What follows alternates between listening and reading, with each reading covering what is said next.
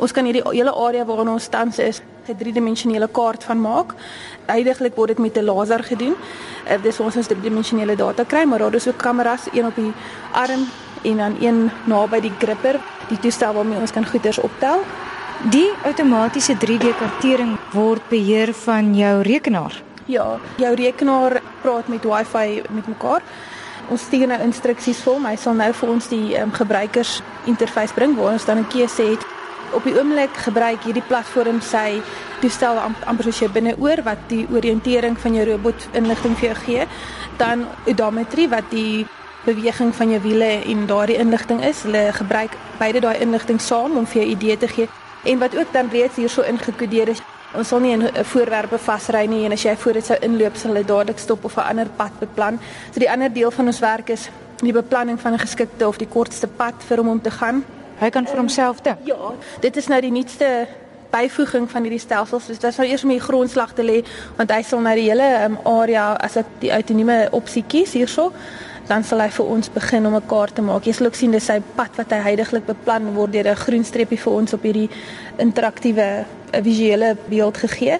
Daar is ons prentjie van die robot wat jy tans sal sien is hy gaan daardie groen pad volg. Die rooi areas is die areas waar jy teen 'n muur of iets sal bots, so jy wil nie daarin gaan nie. En as jy begin sien grys areas wat vorm is areas wat vir hom onbekend is en dit is juist daar waar hy wil gaan uitvind wat gaan aan daar sodat ek my kaart of kartering kan doen van hierdie gebou. Gaan hy nou beweeg? Ek loop nou agter hom. Hy is besig om die area te karteer. Sy sensor stel jou teenwoordigheid dadelik op, so ek moet so agter hom stap.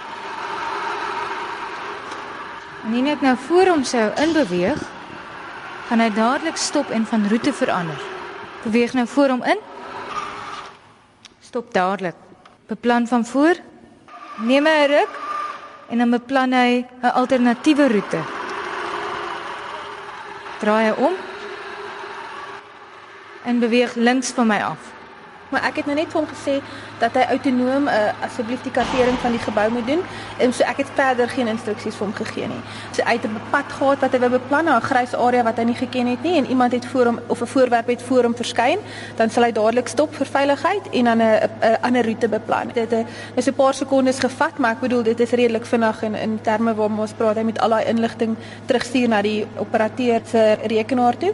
My sien hy het wel die driedimensionele kaart van hierdie laboratorium gemaak. Jy sal sien daar is wat jy geloop het. As ek hom nou ombring en hy maak sy nuwe driedimensionele um, laser skerm, dan sal jy sien dat hy al daardie geloop van jou uit die pad sal weer want hy hy's bewus daarvan dat dit beweging was van iemand en dit dit nie vaste strukture was nie. Heidiglik het ons daardie um, knoppietjie daar as ons hom druk hy vir ons baie inligting stoor soos waar bevind jy jouself in die kaart en wat se tyd en hy sal vir jou 'n foto van die waar die area stoor en dan gaan ons dit nou uitbrei na meer 'n intelligente manier van stoor foto's self en stuur net vir ons die belangrike data terug.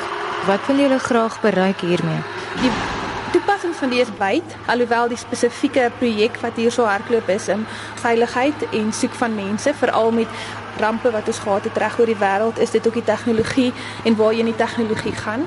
En uh, ons het nou net 'n brug gehad wat ineengestort het. As dit onveilig sou wees vir mense om ondersoek in te stel, is dit ideaal om vir die robot te sê in hierdie area gaan doen vir ons 'n kartering van die area en gee vir ons 'n paar foto's van interessante voorvalle wat jy kon sien. Daar's nog altyd 'n menslike interaksie wees waar die mens moet besluit is dit veilig om te gaan soek in daai area? Is daar dalk 'n mens wat hulp nodig het wat ons nie raak gesien het met eerste inspeksie nie? Of um, wat is dalk die oorsaak van die brug se ineenstorting so daar's baie toepassings waar die ideaal sou wees om net gou-gou die robot uit te haal in plaas van ander mense se lewens in gevaar te stel